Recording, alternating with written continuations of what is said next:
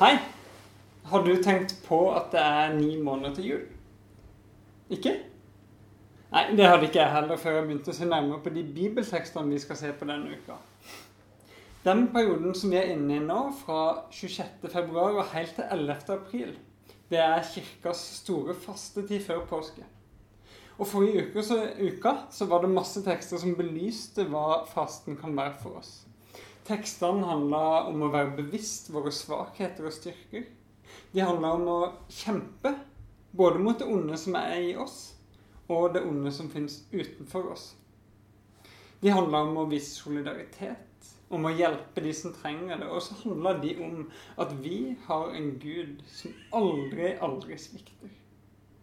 Men fra og med i går søndag 22. mars så begynte plutselig tekstene å skifte litt karakter.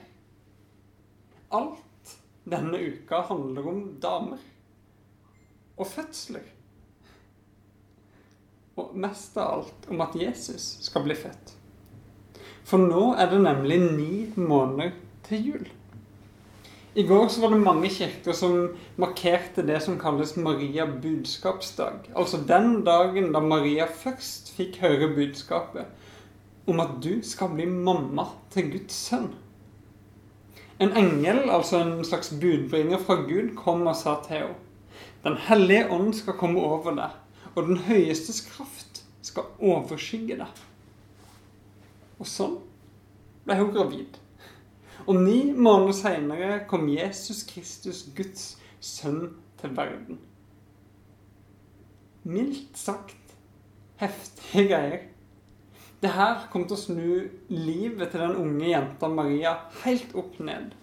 Og nå kjente hun at hun bare måtte gå og fortelle om det budskapet hun hadde fått til noen. Hun måtte dele det. Hvem er det du tar kontakt med? Hvis det skjer noe ekstraordinært i ditt liv? Hvem er det du bare må snakke med når du har gode nyheter? I dagens bibelord fra bibelen.no så kan vi lese hva Maria gjorde med sine gode nyheter. Hun skyndte seg og dro opp i fjellbygdene der slektningen hos sin Elisabeth bodde. Elisabeth var også gravid og venta barn. Og Maria hun kommer fram, hun stikker hodet inn, og så sier hun 'hei' eller 'shalom', eller hva enn de sa til hverandre på den tida når de kom på besøk. Og så kan vi lese at da Elisabeth hørte Marias hilsen, så sparka barnet i magen hos sin. Hun ble fylt av Den hellige ånd og ropte høyt. Velsigna er du blant kvinner, og velsigna er frukten i ditt mors liv. Typisk begeistra gammel tante. Elisabeth hun fortsetter å snakke, men nå i undring. Hun sier, 'Men hvordan kan det skje at min Herres mor kommer til meg?' For da lyden av din hilsen nådde øret mitt, så sparka barnet i magen min av fryd. Og salig er hun som trodde. For det som Herren har sagt hun skal gå i oppfyllelse. Dette var et godt møte. Jeg tipper Elisabeth og Maria fikk fine dager sammen der i denne her fjellbygda. Og jeg tror de hadde mye å snakke om, og nå kunne de glede seg sammen over det Gud var i ferd med å gjøre i livene deres.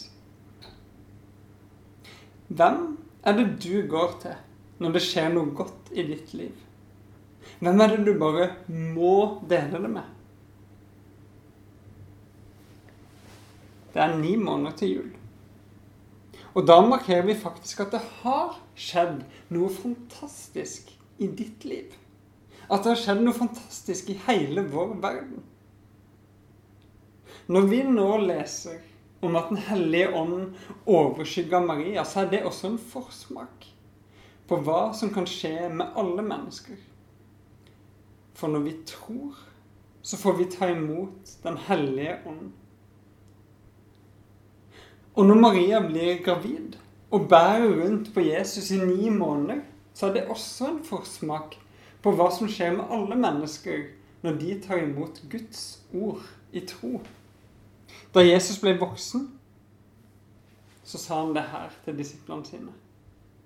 Den som elsker meg, vil holde fast på mitt ord. Og min far skal elske ham, og vi skal komme og bo hos ham. Det er ni måneder til jul. Og vi markerer at Gud har flytta inn i vår verden. Inn i våre liv. Inn i våre hjerter. Og han flytter inn med kjærlighet og nåde og kraft og tilgivelse. Hvem er det du bare må dele disse gode nyhetene med? Tenk litt på det.